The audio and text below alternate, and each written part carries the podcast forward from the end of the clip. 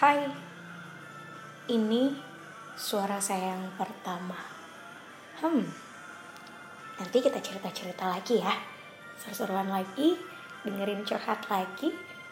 Sorry, kali ini suaranya agak parau, soalnya lagi sakit. Sampai ketemu lagi ya di postingan selanjutnya.